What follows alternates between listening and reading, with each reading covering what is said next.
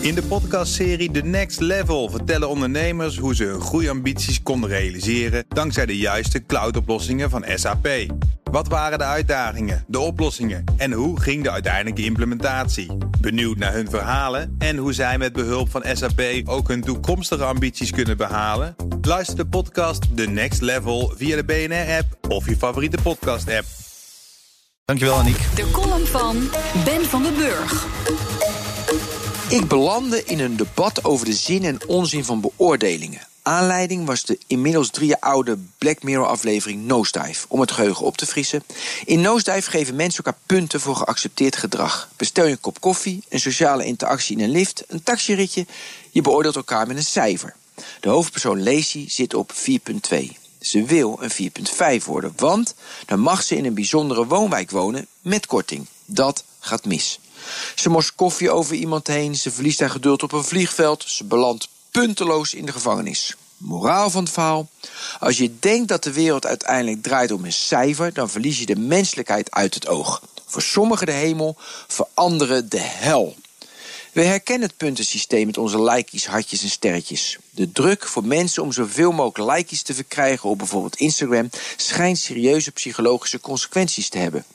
Iedere post die onder je gemiddelde scoort, voelt als een mislukking. En je mag niet mislukken, je moet punten scoren. Tot voor kort moesten vooral leveranciers in het Westen punten scoren. In het debat gaf een nichtje van een restauranteigenaar toe hoe ze bij had gedragen de rating van haar ooms restaurant te boosten door verschillende goede recensies achter te laten.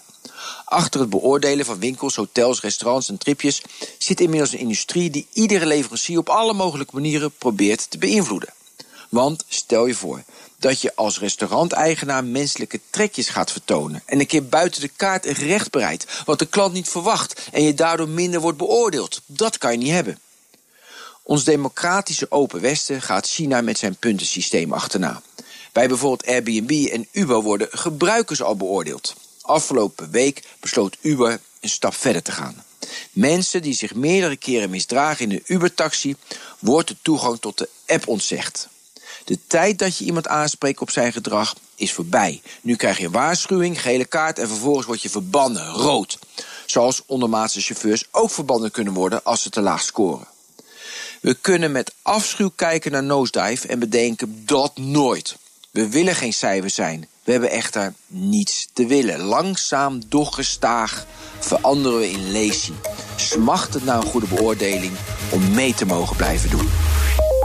De column van Ben van der Burg op bnr.nl. En in de BNR-app vind je veel meer columns en podcast. Kies er eentje uit, ga die luisteren. Lekker dit weekend kom je het uh, mooie weekend wel door.